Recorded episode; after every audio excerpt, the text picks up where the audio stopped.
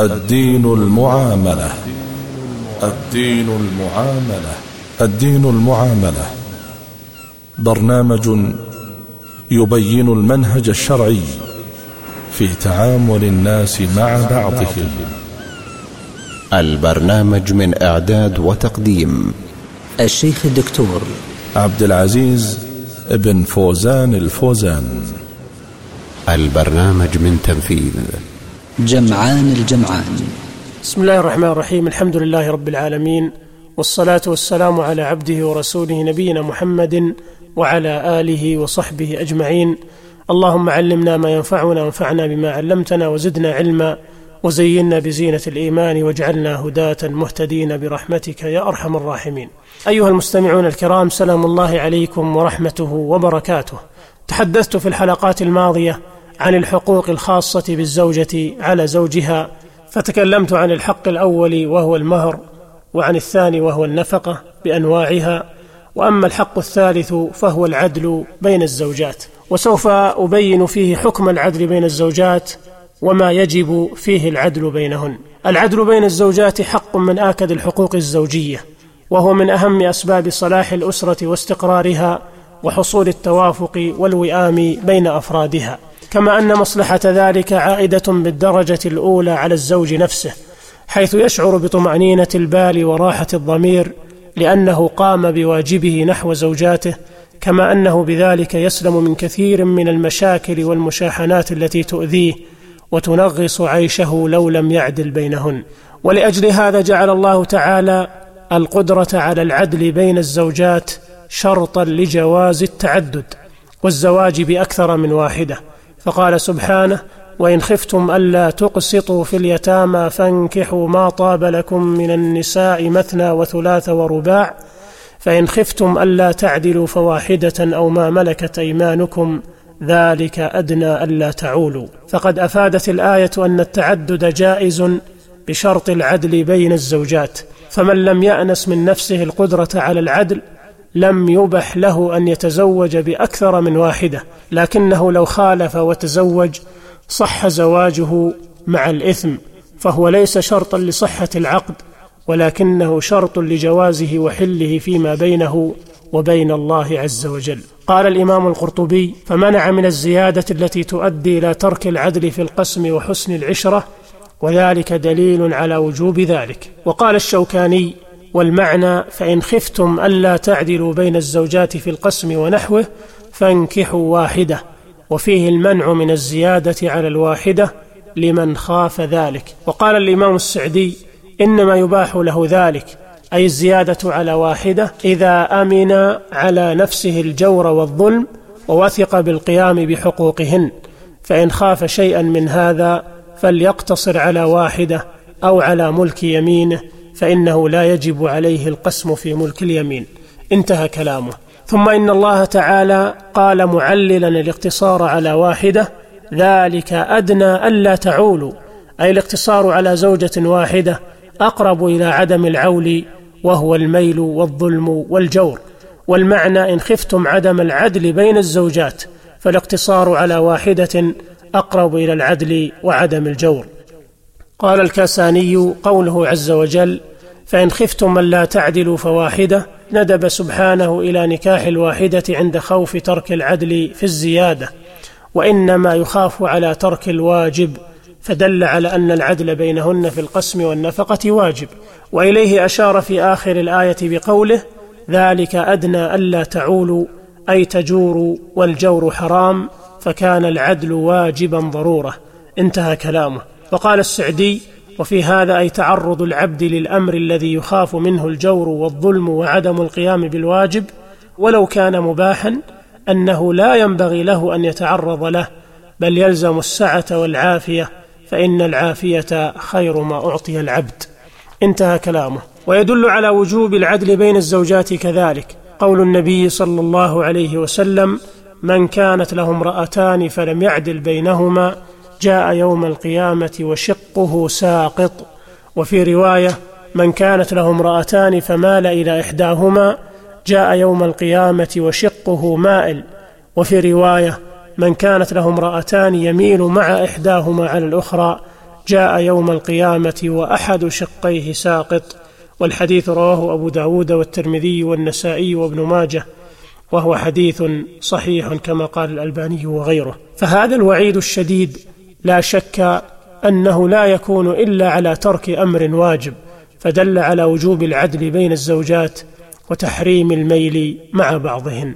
فإن سألت ما الذي يجب فيه العدل بين الزوجات؟ فالجواب العدل المطلق بينهن في كل شيء أمر غير مقدور عليه وإنما الواجب هو العدل بينهن فيما يقدر عليه الإنسان ويدخل تحت طاقته من الأمور الفعلية الظاهرة.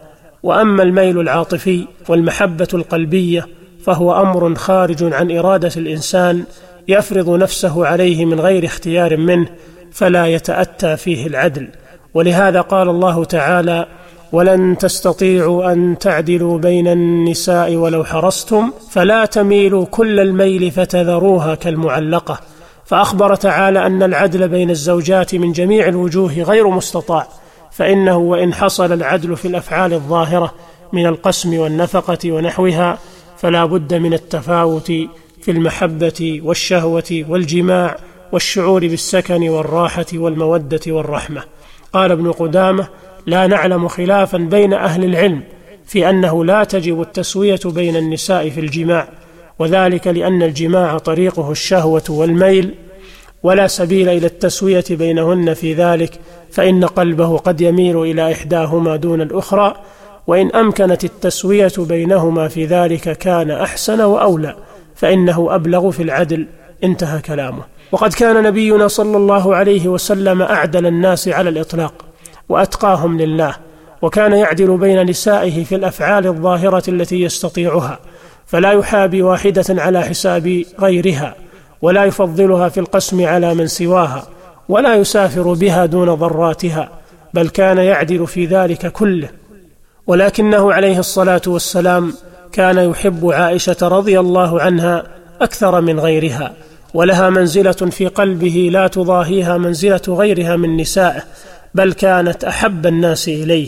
تقول عائشة رضي الله عنها كان رسول الله صلى الله عليه وسلم يقسم بين نسائه فيعدل ثم يقول اللهم هذا قسمي فيما أملك فلا تلمني فيما تملك ولا أملك قال أبو داود يعني القلب.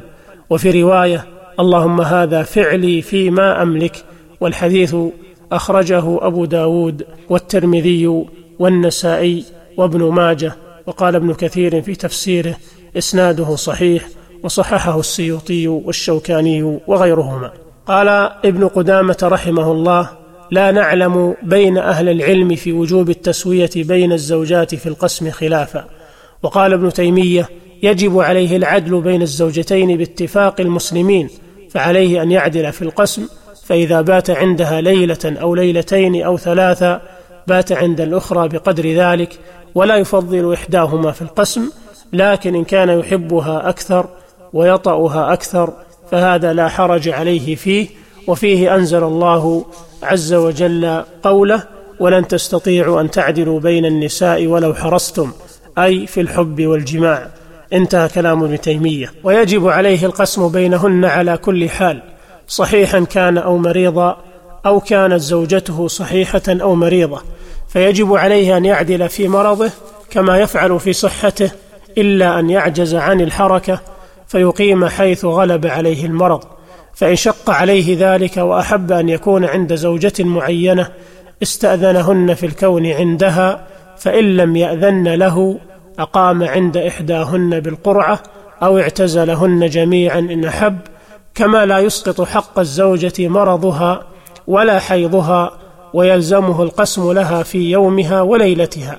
قال ابن قدامة وبذلك قال مالك والشافعي وأصحاب الرأي ولا نعلم عن غيرهم خلافهم. وكما يجب عليه العدل في القسم فيجب عليه كذلك العدل بينهن في النفقة والكسوة والسكنى على الصحيح من قولي العلماء لأن ذلك مقدور له وداخل تحت إرادته والنصوص السابقة في وجوب العدل بين الزوجات عامة في كل ما يقدر عليه الإنسان فعدم التسوية بينهن في ذلك ظلم وجور.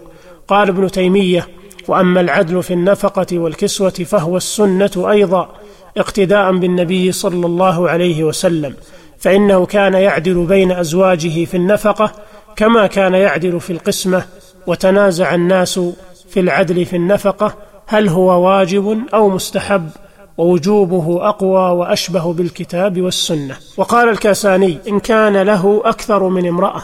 فعليه العدل بينهن في حقوقهن من القسم والنفقة والكسوة وهو التسوية بينهن في ذلك حتى لو كانت تحته امرأتان حرتان أو أمتان يجب عليه أن يعدل بينهما في المأكول والمشروب والملبوس والسكنى والبيتوتة. انتهى كلامه. وقال الشوكاني في شرحه للحديث السابق من كانت له امرأتان فمال إلى إحداهما قوله يميل لإحداهما فيه دليل على تحريم الميل إلى إحدى الزوجتين دون الأخرى إذا كان ذلك في أمر يملكه الزوج كالقسمة والطعام والكسوة. وقد سئل الشيخ عبد الرحمن السعدي رحمه الله هل تجب التسوية بين الزوجات في النفقة والكسوة؟ فأجاب الصحيح الرواية الأخرى التي اختارها شيخ الإسلام أنه يجب التسوية في ذلك لأن عدم التسوية ظلم وجور ليس لأجل عدم القيام بالواجب بل لأن كل عدل يقدر عليه بين زوجاته فإنه واجب عليه بخلاف ما لا قدرة له عليه كالوطء وتوابعه. ومعنى قوله ليس لأجل عدم القيام بالواجب يعني النفقة الواجبة فهو يقول إن التسوية بين الزوجات في النفقة أمر زائد على النفقة الواجبة. فإذا قام بالنفقة الواجبة لكل واحدة منهن بقدر كفايتها فيجب عليه أن يسوي بينهن فيما زاد على ذلك لأن عدم التسوية في ذلك ظلم وجور ليس لأنه قصر في القيام بالنفقة الواجبة. وقال رحمه الله في موضع آخر وعليه أن يعدل بين زوجاته في القسم والنفقة والكسوة وما يقدر عليه من العدل. هذه هي أهم الحقوق الواجبة للزوجة على زوجها وبقي معنا الحقوق الخاصة بالزوج على زوجته وهذا ما سأبينه في الحلقة القادمة بإذن الله. أستودعكم الله الذي لا تضيع ودائعه. والسلام عليكم ورحمة الله وبركاته. الدين المعاملة. الدين المعاملة. الدين المعاملة.